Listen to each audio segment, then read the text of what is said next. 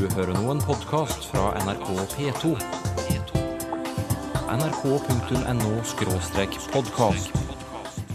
blir kveld, og så blir det morgenkveld, og så blir det enda en gang til hvis ikke jeg blir stein.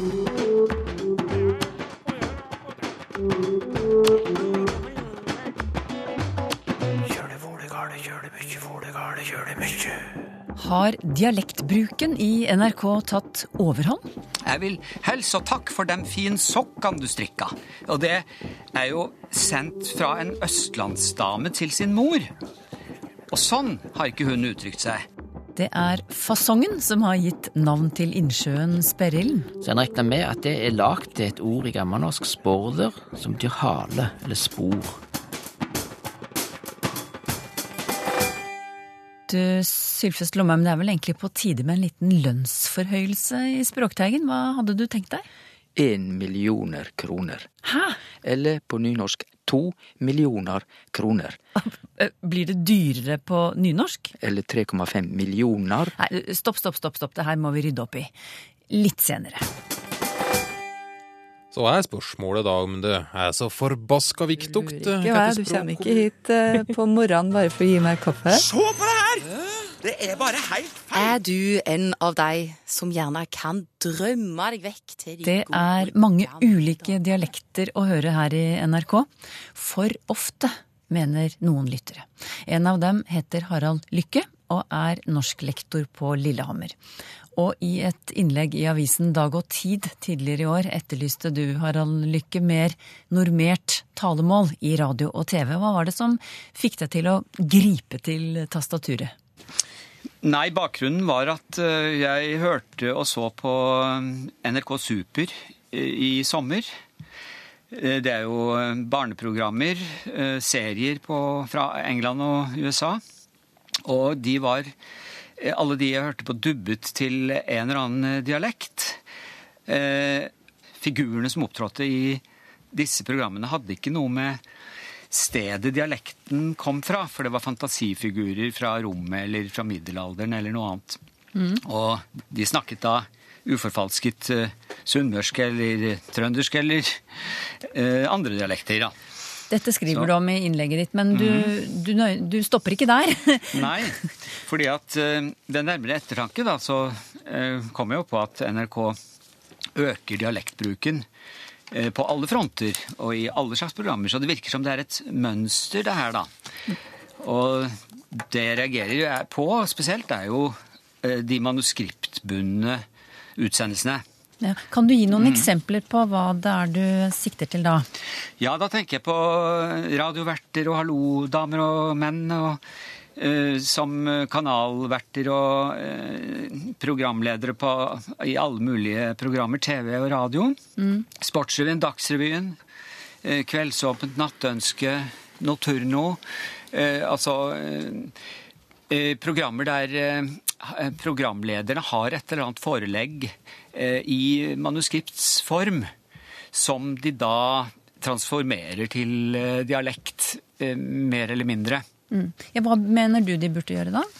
Nei, jeg mener at i eh, slike typiske manuskriptbundne sendinger ha eh, eh, moderert eh, dialekten, eventuelt eh, brukt et eh, normert eh, talemål, som altså Eh, kan- rår Når du sier normert talemål, kan du bare Ja. kort si, forklare hva du mener Det var jo det? vi før kalte dannet dagligtale, da. Men dannelse er jo et eh, vanskelig ord nå.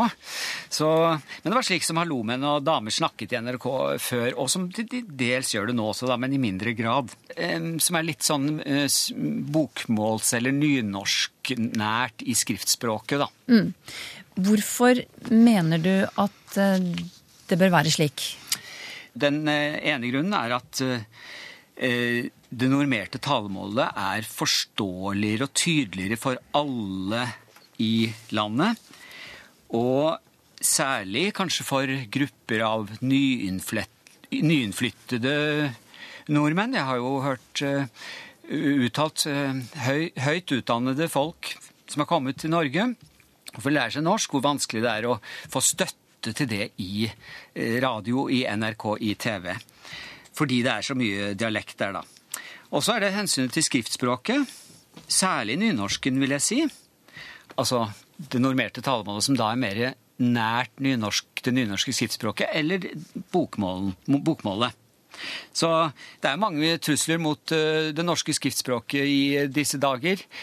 Eh, og det er jo synd at eh, NRK skal bidra til å øke faren for dette, syns jeg. Eh, Vi ser vi har jo SMS- og Facebook-språk og sånt noe som uh, gjør uh, skade nok. Så, og så mener jeg det siste punktet, da, det er at jeg mener at det er noe som binder nordmenn sammen utover skriftspråkene. Det er jo også at det fins en talemålsnorm både i bokmål og nynorsk. da. Det er altså noe som er på tvers o- o- over dialektgrensene. Og jeg syns at hensynet til dette aspektet, og til rett og slett i kommunikasjonen, ikke må gå foran hensynet til programlederens egen språklige identitet. Eller vi kunne litt stygt sagt eh, programlederens språklige ego. Harald Lykke, vi, stopper litt der, så Ja. slipper vi til en annen person som vi har invitert inn i studio for å, for å svare deg, og det er språksjef her i NRK, Erik eh, Bolstad. Erik Bolstad, hvorfor tillater NRK at medarbeidere bruker egen dialekt når de snakker manusbasert? F.eks. når de annonserer eller leser opp hilsener eller andre ting. Eh, NRK har jo som mål å speile landet på, på mange måter. Og det kan man gjøre på forskjellig vis. Um, vi kan vise mangfoldet som fins i de norske dialektene, eller vi kan vise fram noe som er felles, som er den talemålsnormen. Og vi prøver å gjøre begge deler. Vi har brukt dialekt på lufta i, mm, helt fra NRK starta. Men det kom en økning i bruk av dialekt for sånn ca. 30 år siden. Hvor da hensikten med det var å gi altså, Speile en større del av, eh, av landet. Så i takt med at særlig radioproduksjonen vår har blitt endra, mindre enn lavere andel av sendingene er manusbaserte, så har vi fått mer, eh, mer dialekt av den grunn. Og I tillegg så har vi også åpna for mer dialektbruk enn det vi gjorde tidligere. Ja, Hva sier NRKs språkregler i dag om dialektbruk i radio og TV? Vi Språkreglene sier noe om når man skal normere. Ja. Og så er det mange som velger å normere oftere når man skal. Men når i, skal man? Eh, Nå så er det i praksis nyhetsprogrammene og programinformasjonstjenesten. Ja. Jo, Harald Lykke han mener bl.a. at dialektbruken kan gjøre det vanskeligere å forstå det som blir eh, sagt i, i radio og fjernsyn. Eh, Hva vet vi om, om dette? For det har jo blitt gjort noen undersøkelser. Vi har gjort masse, eller mange undersøkelser. Og det vi ser er når vi tester forståing, for det er jo veldig viktig for oss at innholdet vårt blir forstått, så ser vi at det største problemet er dårlig diksjon. Og det jobber vi med. Vi har uh, hatt uh, egen logoped på NRK som går løs på, løs på mange av journalistene, ofte. Um, så går det på bakgrunnsstøy. Derfor fjerna vi veldig mye bakgrunnsmusikk for noen år siden. Og det går i liten grad på dialekt så lenge diksjonen er god. Og ordene er forståelige. Harald Lykke, eh, en av de tingene du sier er at den økte dialektbruken i NRK, også når det gjelder manusbaserte eh, framføringer, er et utslag av individualisme, der hensynet til den som snakker er viktigst. Ja, Hvor tar du det fra? Hva mener du med det, egentlig? Nei, det virker jo nesten sånn altså Hvis man ser på det i et samfunnsperspektiv, så er det jo en tendens til at eh, programlederne skal vise seg frem mer og er viktigere enn nesten programmene i seg selv. Det er jo ikke noe spesielt med, med når det gjelder det språklige, men det gjelder jo presentasjonen av programledere foran eh, store TV-utsendelser. Jo, men nå snakker vi om dialektbruk, da. ja, og da mener jeg at det er en, også en del av det samme, samme bildet, da. At det er viktigere, og at den som snakker, får bruke sin dialekt fremfor å normere seg eller tenke kollektivt, eller tenke på forståelsen og kommunikasjonssituasjonen. Erik Bolstad, hvor, i hvilke tilfeller kan det være viktig for reporteren eller programlederen å få bruke sin egen dialekt? Og hva kan vi tjene på det? Jeg skal begynne med å si noe om situasjonen i norsk, tenker jeg. For norsk skiller seg fra nesten alle de andre store europeiske språkene ved at det ikke fins én offisiell, godkjent og vedtatt uttale. I svensk og dansk f.eks. så sitter det organer og vedtar hva som er den korrekte rikssvenske uh, uttalen. I Norge så er det bare NRK hvor det fins uh, normering. Språkrådet f.eks. normerer ikke uttale av norsk. De normerer skriftspråket. Så er det jo da at normert språk har vi brukt på lufta helt siden 1933. Og det har en større grad av formalitet og høytid i seg enn uh, enn når vi bruker dialekt. Så at I de programmene der vi prøver å være litt mer formelle, ha litt mer høytid, så bruker vi i dag en uh, normert tale. Mens i de programmene, f.eks. Nattønske, hvor vi prøver å være litt tettere på lytteren, litt mer personlig, så har vi altså åpna for å, å, bruke dialekt. Men sånn som f.eks. Nattønske, hvor man jo sitter og siterer fra brev som er innsendt av lytterne, og hvor disse lytterne ikke snakker den samme dialekten som programlederen, og det blir gjengitt likevel med programlederens dialekt. Det syns jeg er litt rart. For eksempel da Jeg kan ta et eksempel fra en utsending her for noen uker siden. Jeg vil helse og takk for de fine sokkene du strikka. Mm. Og det er jo sendt fra en østlandsdame til sin mor. Og sånn har ikke hun uttrykt seg. Og da må det gå an å lempe litt til eh, til lytternes språk også, syns jeg. Sa Harald Lykke, som selv er lytter, med klare meninger om dialektbruk i NRK. Han møtte språksjef Erik Bolstad. Jeg kan legge til at i dag er det tre journalister eh, som arbeider i NRK, og som har dispensasjon fra reglene om normert tale.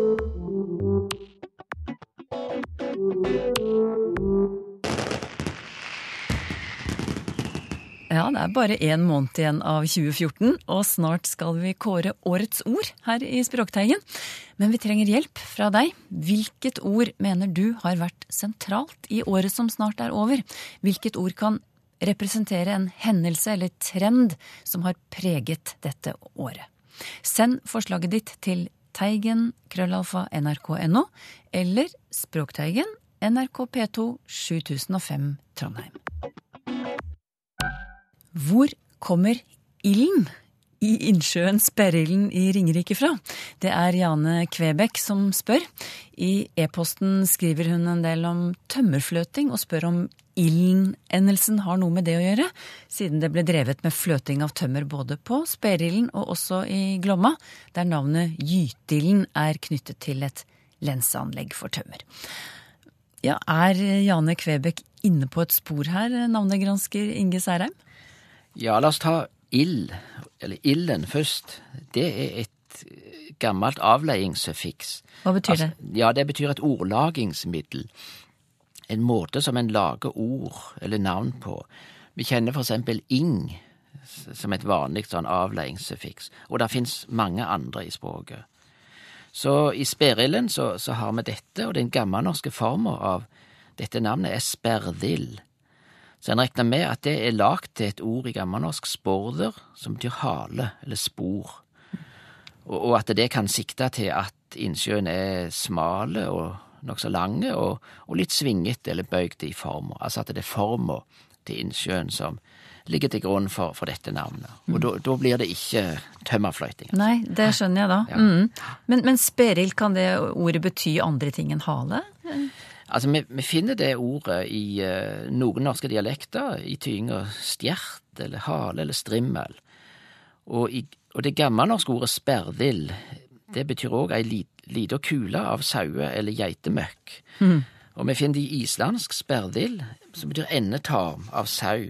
Og òg pølse betyr det ordet. Mm. Men du, hvordan kan vi vite at innsjøen Sperrilden har fått navn etter et av disse ordene, da?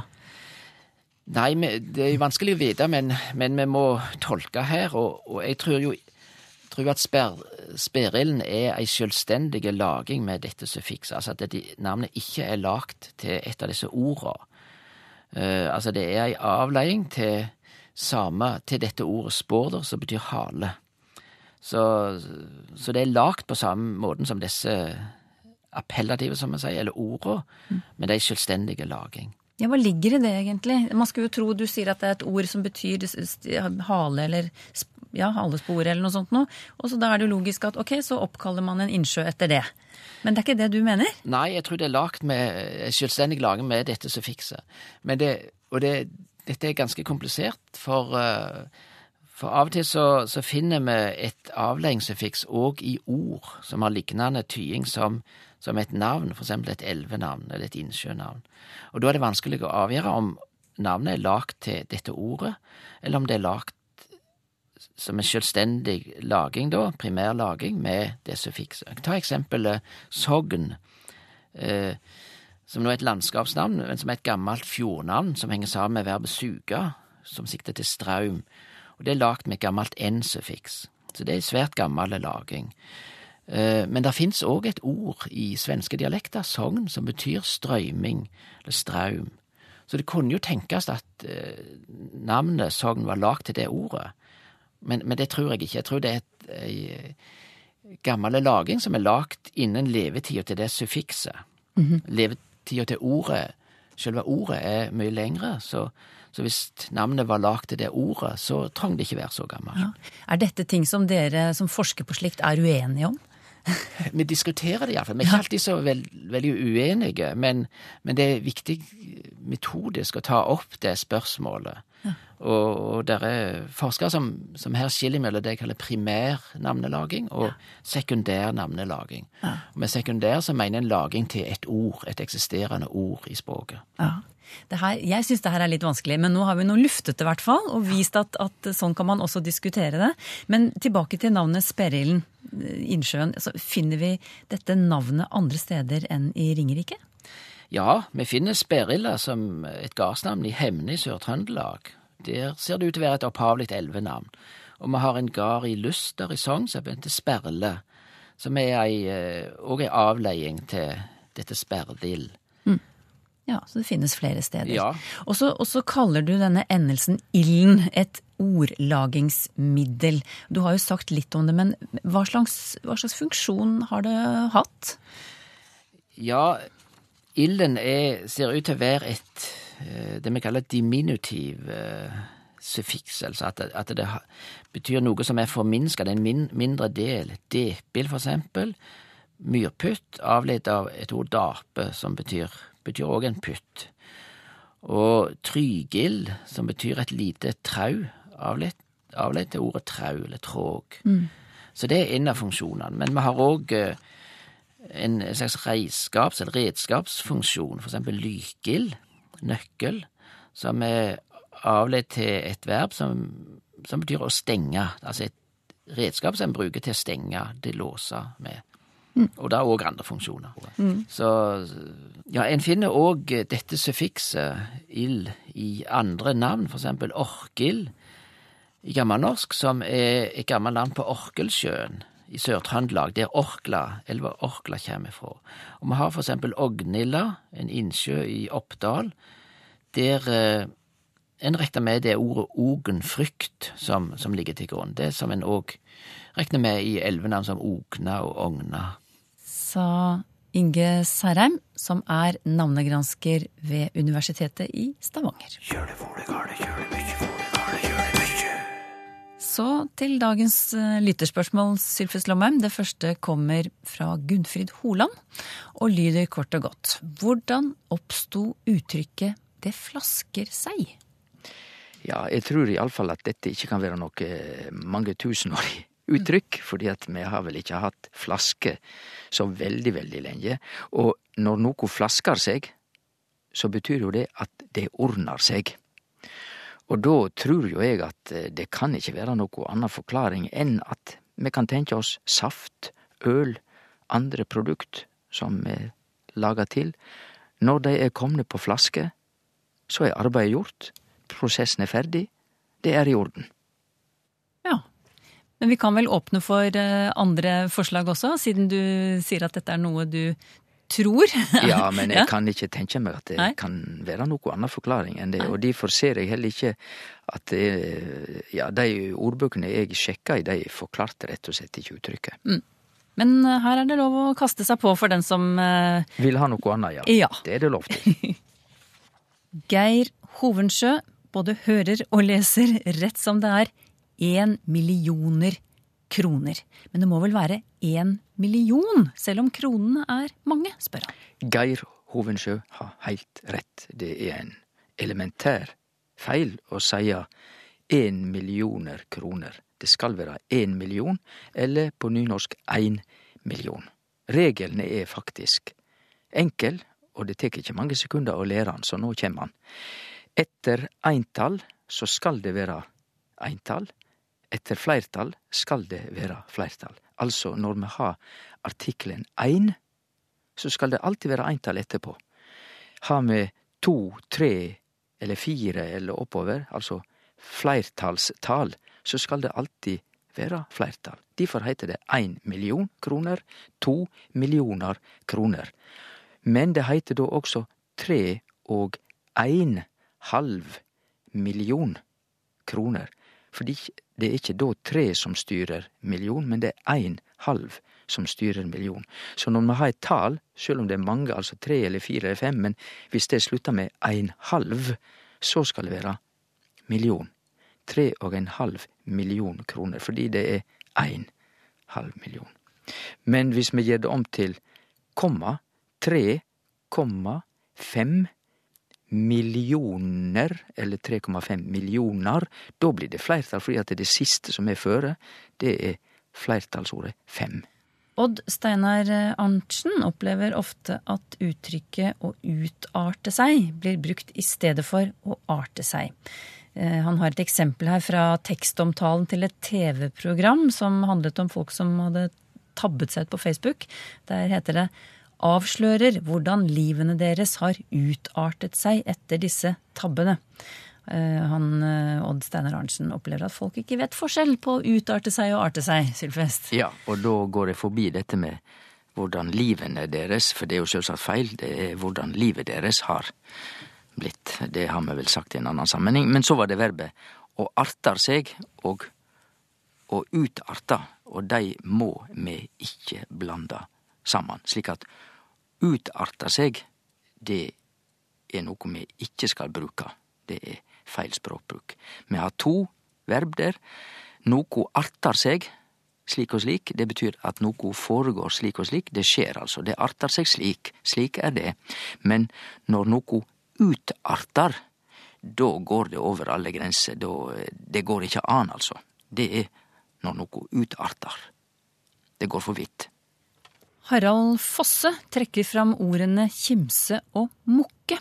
De forekommer ikke ofte i eh, mediene eller i offentlige dokumenter, men begge ordene er jo ganske anvendelige, synes han, eh, og vil gjerne at du sier noe om bakgrunnen for Ja. ordene. Det er ingen grunn til å kimse av disse orda. kimse og mukke på bokmål. Eh, For det første, mukke. Det er Det betyr jo å murre eller knurre eller klage uten å mukke, uten å klage, uten å murre. Og der mener de som har tenkt grundig på dette ordet, at det kanskje rett og slett er et lydord, altså at det hermer det som skjer litt. Og vi hører jo at ordet munn kanskje spiller i bakgrunnen. Når det gjelder kimsa, så er for det første uttalen kimsa, ikke kimsa, bør jeg kanskje presisere.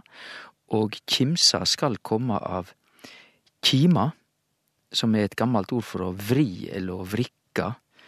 Og eh, da eh, skjønner vi jo at eh, du skal ikke kimse av dette, du skal ikke kaste på nakken av dette, du skal ikke vri på nakken av dette.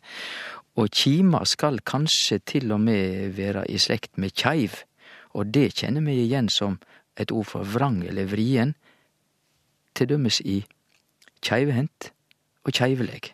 Så det er heile den rekka. Eh, Derimot, eh, hvis noen sier ja, men vi har jo òg klokkene som kimar, ja, det er heilt noe annet. Det er et heilt annet ord. Det har vi rett og slett lånt fra engelsk eh, verbet å kime om kyrkjeklokker, til dømes. Asbjørn Øvrebø skriver til oss om Helvetia, som er et annet og for mange ukjent navn på landet Sveits. Det har jeg bare sett ett sted, skriver han, og det var på et frimerke. Men hvor kommer dette merkelige navnet fra? Er det noen som bruker det? Og i tilfelle hvor?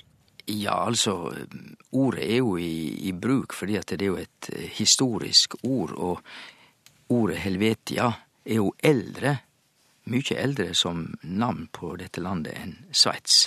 Så litt om Helvetia. Det går tilbake til navnet på et folkeslag, et keltisk folkeslag. Og keltisk er jo det som blir snakka i, i eh, stadig vekk litt i Skottland og i Irland, altså de gamle keltiske språka, og de var snakka over halve Europa for 2000 år sia.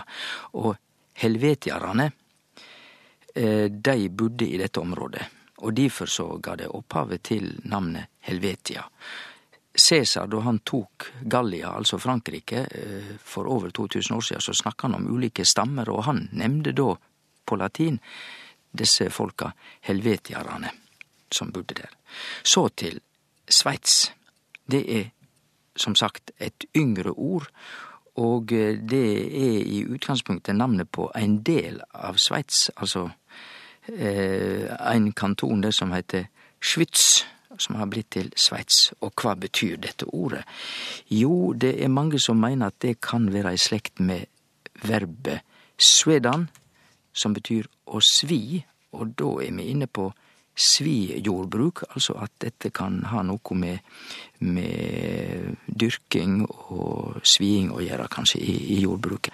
Så i alle fall, Sveits er et landsnavn som kan ha noe å gjøre med verbet å svi. Har du spørsmål til Språkteigen? Skriv til Teigen, krøllalfa nrk.no, eller til Språkteigen, NRK P2, 7005, Trondheim. Så finner du oss også på Twitter og på Facebook. Forstår du dette? Makula med en eftalmorskopisk sentral epitukural fibrose kniper ved K-glass. Hvordan opplever pasienten å få et slikt brev fra sykehuset?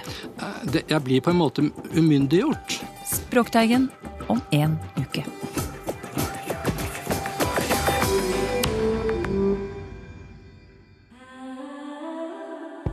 nrk.no podkast.